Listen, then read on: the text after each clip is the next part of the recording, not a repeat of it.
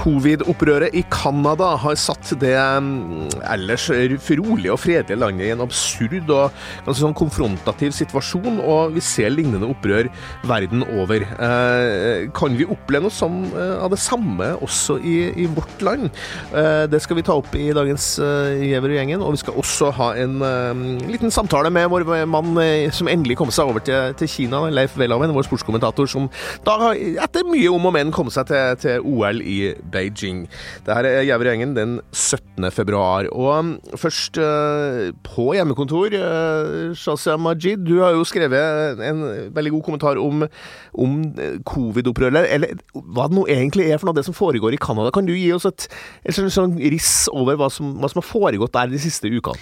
Det begynte i slutten av januar, og utgangspunktet var at det ble innført eh, altså koronapass for lastebilsjåfører på grensen mellom USA og Canada. Det var utgangspunktet for at lastebilsjåfører mobiliserte seg og skulle kjøre til Ottawa, som er hovedstaden i Canada, og protestere på dette. Og så uh, tok de også og blokkerte de fleste på en måte viktige grenseoverganger over til nabolandet. Det var sånn det startet, og så har det bare ballet på seg. Og nå har de pågått i tre uker. Og eh, politiet har jo ikke klart å stanse de. De skulle jo egentlig kanskje ikke sånn som eh, altså De skulle kanskje hatt noen fysiske barrierer eller sagt at de ikke får lov, men nå har jo de okkupert eh, sentrum i Ottawa og lar seg ikke rikke, mens den viktigste grenseovergangen til USA er blitt ryddet opp nå først på lørdag. Så det er jo fullstendig egentlig kaotisk for sindige canadiere å sitte og bivåne dette. Hva, hvem, er, hvem, er, det her? Altså, det er truckers da, som eh, kjører sånne digre eh, lastebiler. Men hvem er de demonstrantene? Er det bare lastebilsjåfører, eller er det også andre folk her? Ja, det er lastebilsjåfører. Det var sånn det begynte pga. disse koronapasskravene. Men det er en ganske betydelig restriksjonstrøtthet i Canada nå. De har jo hatt de samme restriksjonene som Norge vi hadde nå i desember og frem til januar omtrent. Men canadiere har jo gått mye mye lenger. Der er det jo vaksinetvang for, eh, for helsepersonell, for offentlig ansatte. Eh, det er koronapass overalt. Du får ikke gjort noen ting uten koronapass. Og så har det pågått kjempelenge, og folk er lei. Så det er både lastebilsjåfører, vanlige folk, og også på en måte eh, innimellom eh, ytre høyre-grupperinger som har kastet seg på. Ren misnøye, all mulig slags misnøye, kommer nå til overflaten. Er det her et internt eh, opprør, eller hva vi skal kalle det? Eller, eller, er det også eh, eksterne ting? Altså Foregår det ting? Blir det, blir det finansiert fra andre hold, eller hvem er det som står bak, liksom? Det er det som er interessant, for nylig kom det en altså Jeg tror det var New York Times som fortalte dette her, at halvparten av uh, pengene som finansierer disse demonstrasjonene, kommer fra utlandet. Altså kommer fra USA.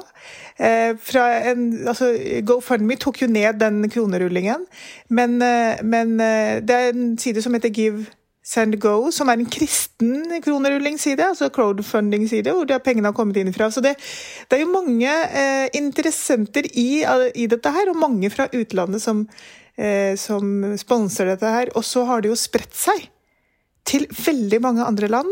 34 land sist jeg eh, telte.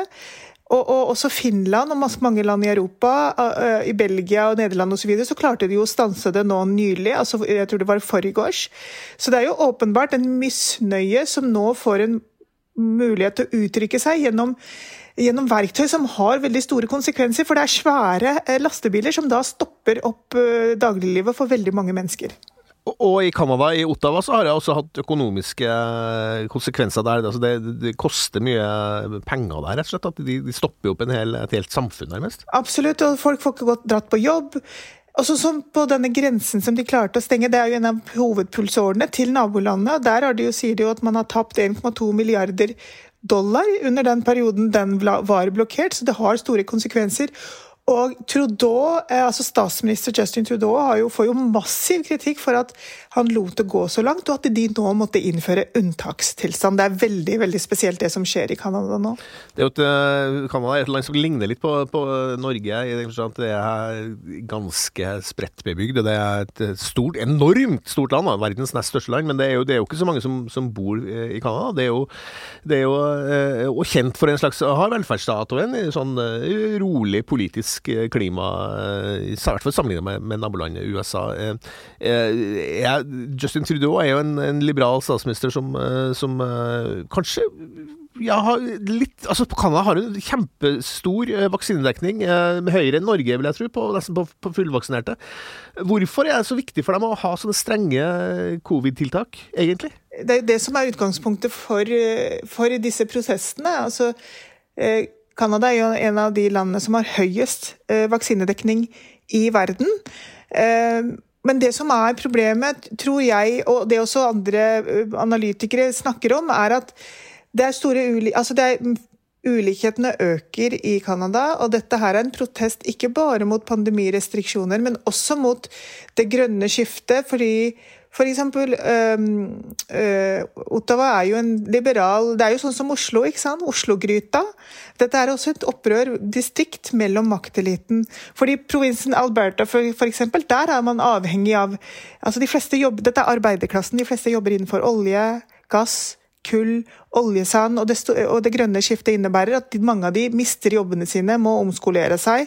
Så det er en sånn generell misløye som kommer til uttrykk.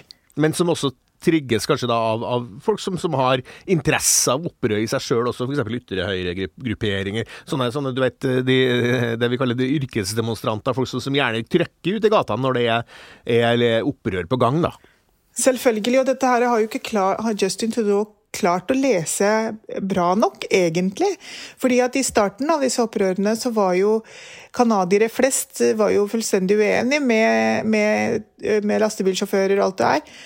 Men nå viser jo nye meningsmålinger at halvparten er enig i at restriksjonene må løftes, at man, man, har gått for langt, at man har strukket den strikken for langt. Altså Har du ikke opinionen og borgerne med deg, så, så går det ikke bra. Å innføre unntakstilstanden i Canada er jo ikke dagligdags. Og så, da, vet du eh, Det er jo eh, Det har spredd seg til mange land. Finland nevnte du, og mange andre. Astrid Mæland, du er med også på hjemmekontoret ditt. I Norge nå så er det noe som kalles for Freedom Convoy Norge, eller Norway 2022. Og de har varsla en, en eh, lignende type demonstrasjon i Oslo til, til helga. Hva, hva, er det som skjer der? Ja, det stemmer, Hans Petter. Ifølge Facebook-sida deres, eh, med 26 000 medlemmer sist sjekka, Eh, så vil de eh, demonstrere helst da, med de konvoiene foran Stortinget, men så har de fått eh, beskjed fra politiet om at det ikke går an å ha masse kjøretøy foran Stortinget, så det har bestemt seg for å kjøre til NRK og så demonstrere der først, og så gå ned til Stortinget sammen etterpå, eller ta T-banen, som det står. Og det de demonstrerer mot, da, det er litt sånn som i Canada, som Shazia snakka om. De vil fjerne krav om munnbind, de vil fjerne krav om koronasertifikat, eh, eh, og at alle smitteverntiltak i Norge oppheves. Da. Men, men, men er det ikke sånn at smitteverntiltakene i Norge er oppheva? Jo, jeg tror ikke jeg har sett noe som de krever fjerna som finnes egentlig ikke. Det kan hende jeg har oversett noe, men eh, vi har jo verken vaksinepass eller krav om munnbind, krav om avstand, krav om karantene eller krav om isolasjon. Vi har til og med bare en anbefaling om isolasjon nå. Så de er kanskje litt sent ute. Jeg tror det er den samme eh, grupperinga som har demonstrert tidligere, som har tent på munnbind og sånn eh, i tidligere omganger. Men... Det er Chartersvein og de der? Ja, det er mulig at det er de samme folka. Noen av de samme folka. Eh, de kan jo kritiseres for mye, men de har kanskje litt bedre timing, i hvert fall. fordi nå er det akkurat som du sier, oppheva de her tiltakene i Norge. Men ikke bare det. I, i den konvoien kommer jo. Eh, I tillegg så er det mange som har begynt å eh, demonstrere mot, eller protestert mot vaksinering av barn. Det er et stort opprop på gang, og i Bergens Tidende på onsdag var det en helsides annonse der de sa nei til koronavaksinering av barn og unge. Og fronta av en hel rekke politikere, leger, advokater osv. Så, videre. så det er noe på gang her, tydeligvis. Men hvis, hvis, det er sånn i Canada nå at, at din, den, det type eh, opprør og de der truckerne får et slags eh, folkelig støtte, det, og den støtten kanskje også er økende, da, da, kan vi jo e, e, ende opp i en sånn situasjon i Norge også. Eh, altså at, at, at, den type som har vært veldig sånn ute på kanten, ytterkanten, vært veldig sånn rart, eh, mye sånn, mye sånn pussige, pussige argumenter og sånne ting, plutselig begynner å få en litt sånn større folkelig resonans, da, og, det, og da er det jo Da kan det jo Ja, det står i fare for en, et, et sånn type lignende sånn opprør som vi har sett da i Canada og andre, andre steder. Ja, det er jo litt sånn som Shazi var inne på, da, at uh, Norge er jo kanskje eh, det dårligste landet å demonstrere mot. Vi har jo Myndigheter til og med har jo vært skeptiske til sånn eh, koronapass, altså innenlands. Gang etter gang så har de advart mot det. og Når omikron kom, så sa de at det var ikke noe vits, fordi folk ble jo smitta uansett. Så det har kanskje vært det landet som har hatt minst eh, av sånt. I Danmark har det jo vært massebruk av koronapass innenlands, f.eks. på frisør og på kino og alt mulig sånn. Og på tog, det med, så det kjempestrengt har vært. Eh, nå er det jo det fjerna. Eh, men jeg syns det er litt pussig å, å kreve det her i, i Norge, da, som ikke har noe om det. Men det, det som viser seg, er at de er kjempesinte, en del av de her eh, demonstrantene og de som protesterer mot et eh, nytt høringsforslag som Helsedepartementet har kommet med. Det tror jeg var 11. februar, og Det er et høringsforslag om å forlenge reglene om koronasertifikat. og det er, det er bare noe som de har i tilfelle det blir bruk for. De skriver øverst i høringa at det er ikke aktuelt nå, men, eh, men, det er jo noe med at andre land kan jo kreve koronasertifikat fortsatt for å reise over landegrensene, f.eks. Og de vil ha det i beredskapshensyn. Og det har jo blitt spunnet opp til en sånn stor stor sak om at snart blir det vaksinetvang i Norge. Og sånn. Og så har vi jo vi, har jo, vi er jo inne i en litt rar situasjon. og Vi har strømpriskrisen. Veldig høy strømpris. Ikke der du sitter kanskje, Astrid, men her, her på Østlandet og sørover i landet. Eh, og, og det varsles om høyere matpriser, og eh, bensinprisen er høy. Eh, altså, er, er det ting i Norge altså, som er altså, i, i, samfunnskroppen akkurat nå som, som, som, gjør at sånne type opprør har, har et, et, litt annet trøkk over seg enn det vi vanligvis har sett? da? Ja, altså det har jo vært to tunge år med eh, tiltak, og kan jo godt forstå at folk er ganske lei eh, av hele pandemien. Eh, i tillegg så kommer jo der ettervirkningene, som egentlig er, handler mye om pandemien, det òg. Med inflasjon og høye priser og sånn, og hele samfunnet, hele verden skal prøve å komme seg på skinner igjen. og eh, Energimangel for at de begynner å produsere som eh, remretøy kan holde i Asia, og mangel på gass i Europa. Så det er jo mye å være misfornøyd med. Eh, og jeg håpa jo på en måte når den pandemien skulle være over, så skulle vi liksom begynne å slappe av og kose oss litt igjen. Med velfortjent ferie fra alt mulig av tiltak. Vi burde ha hatt en sånn eh, kollektiv eh, sydenferie hele den nå, så får folk bare gått og fått litt godvær og eh, fått roa seg med litt sånn paraplydrinker på stranda sånne ting. Bare for å hente seg igjen etter to lange, merkelige år. Vi, vi stopper der i den her litt sånn, ja, litt smådystre samtalen og skal over til noe helt annet. Ja, da skal vi faktisk til den eh, helt på den andre sida av uh, jordkloden. Uh, til de sjarmerende vinterlekene i Beijing og, omegn. Og uh, vår sportskommentator Leif Welhaven, du kom deg endelig til OL. Det tok sin tid? Ja, det var seks dype neseprøver på Volvat i løpet av en uke og to ombookinger av flyet. Før jeg altså, omsider fikk de nødvendige innreisetillatelsene fra Kina. Så det har vært en relativt omstendelig reise. Jeg gleder meg til å lese den rapporten. Du har, du har sagt at du skal skrive om det, om det der i, i VG? Ja, nei, det er nok å skrive om. Vi var altså to personer på economy class på et gigantisk Swiss-fly fra, fra, Zürich til uh, Beijing. Så kan vi si det sånn at det er tydelig at Kina helst ikke vil ha besøk, hvis ikke det er uh, helt spesielle grunner til å dra. Og, og, nå sitter du på eh, hotellrommet, og ut fra det vi har snakka om på morgenmøtet og den slags her, så, så, så høres det litt sånn stusslig ut der borte? Heldigvis er hotellrommet fint, men altså, omgivelsene her er uh, veldig veldig spesielle. Det er iskaldt i alle betydninger av uh, ordet. Det er uh, avstengt og isolert. Det er jo lagd en helt sånn fysisk boble som gjør at alle som er relatert til OL, befinner seg ett sted, og det virkelige Kina befinner seg et annet sted. Og Det er altså fysisk helt avsperret og kontrollert. Det er sånn måten man da har valgt å gjennomføre et OL på, samtidig som Kina da søker å iverksette denne zero covid-policyen. Så det skaper jo en litt eh, spesiell stemning, eh, for å si det og, og de kineserne du ser der borte, de, de, ser du ikke så godt, fordi de er jo sikkert polstra og eh, går med sånne rom, romdrakter og, og, ja, det hele? Ja, altså, det ser ut som noen månemenn. Altså, de går i sånn heldekkende hvite drakter med noen blå sokkevarianter utenpå og visir over eh, munnbindet eh, osv. Altså, det lukter sterilt overalt.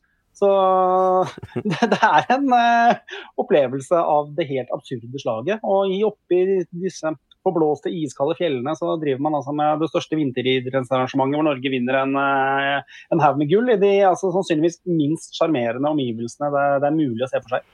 Ja, for jeg tror, jeg tror Ordet sterilt jeg tror jeg, når vi ser det på TV, det ser så rart ut. fordi Ikke noe særlig publikum, det er, og det, det goldt rundt der. Det ser kaldt og, og grått ut, liksom. Det, det er utrolig lite sjarmerende.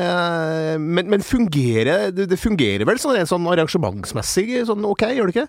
Jo, det går sånn noenlunde. Eh, det går seg til. De flytter på noen øvelser litt her og der på, altså pga. kulda osv. Men uh, vi merker jo at liksom, eh, enhver uh, logistikk er vanskelig, og er det noe som kan bli misforstått, så blir det misforstått. Så ting går seg liksom, til, uh, til, slutt. Men det er klart, for de som har vært her lenger enn jeg har vært her, og som begynner å passere to uker og vel så det, så er det ikke så rart liksom, om brakkesjuken begynner å melde seg. Så kan man jo tenke på sånn som f.eks. Altså, den norske kombinertløperen Jarl Magnus Riiber, som altså testet positivt ved ankom Beijing og altså fikk oppladning, mistet første konkurransen, fikk oppladning sin låst inn og isolert på et hotellrom. Så det, klart det har vært en del opplevelser her uh, i, i, Beijing som er ganske langt unna den olympiske drømmen, slik man, eh, man er vant til å høre om. Uh, er, vi skal snakke om det senere når du kommer tilbake også, Leif, og ved andre anledninger om at den kinesiske zero-covid-politikken eh, kanskje kan vise seg å bli en eh, gedigen nedtur for hele Kina på sikt. Vi ser også tegn til det i Hongkong nå. Vi, når vi har deg her, da, Leif, du, du, du, får jo med deg slutten av OL, da, og det blir jo en spektakulær avslutningshelg for så vidt med mange, mange nye medaljemuligheter. Men Norge dominerer jo. Altså, er jo beste nasjon. Dominerer. Hvorfor er det sånn, egentlig? Lille landet her. Nei, altså, vi, har, vi hørte akkurat det samme spørsmålet ble stilt for fire år siden eh, da jeg var i Pyeongchang. Altså, en del har selvfølgelig med geografi og historie å gjøre. og eh, tilgang eh, på mye snø. Så tror jeg også at en del altså, heng, altså, henger sammen med hvordan norsk idrett drives, ut fra en sånn tankegang om å få med flest mulig lengst mulig, og så kommer måte toppen ut av bredden med at du har eh, mange si, i, i, i, aksjon. Uh, så, så, det har nok noe med det å gjøre. Men selvfølgelig, du har folkerike land som Russland f.eks., som man vel kanskje skulle tro at uh, burde kunne hevde seg mot oss i totalen. Men ser man altså på medaljestatistikken, så er det vel nå det, altså, det, var dårlig i Torino, men etter det så har det altså vært fire olympiske leker på rad hvor Norge har, på vinteren. Altså, hvor Norge har gjort det veldig bra og bedre og bedre gang for gang. Og nå er vi altså bare én gullmedalje unna rekorden på 14 gull fra um, Pyeongchang. Og Therese Johaug kommer til å vinne tremila, og da trenger man egentlig bare ett til. Jeg spådde i forkant at Norge kom til å ta 15, og uh, det er ikke helt utenkelig at, den, uh, det tipset faktisk går inn. Eller til og med ble overgått. Ja, det er, jeg syns både at det er sjarmerende og også litt sånn rart at vi, at vi, dominerer så voldsomt eh, som vi gjør. Det betyr jo at vi satser veldig veldig hardt, da, kanskje sammenligna med en del eh, land som vi vanligvis har gjort det bra i, i OL og i vintersport. Da. Men du, er, hva er det som har overraska deg mest sånn rent sportslig med det som har skjedd? Nei, altså, det som jo er litt interessant, er jo det lille paradokset vi står oppi her. Altså, hvor vi gjør det veldig bra i totalen. Men det som, også, det som, det som nyanserer bildet, og kanskje, er jo det som at nasjonalsporten vår, som er, som er langrenn, har vi jo liksom møtt på mye mer trøbbel enn man skulle tro. Man er avhengig av Klæbu og, og, og, og Johaug, og det er jo interessant. Altså, det er overraskende for at de får et tysk gull. Eller, på lagsprinten uh, i går. Det er sånt som er veldig positivt for, uh, for, sporten og absolutt kan skrives på overraskelseskontoen. Ellers hadde vi også en skiskytingstafett som så helt lost ut, som plutselig gikk bra. Det er vel liksom det enkeltøyeblikket som har vært mest uh, overraskende. Og så har du noen sånn på, altså, overraskelser på den negative siden med utøvere som kollapser pga. Tøffe løyper av høyde og ekstremkull og sånne type ting, som jo er overraskelser av det mindre eh, hyggelige slaget.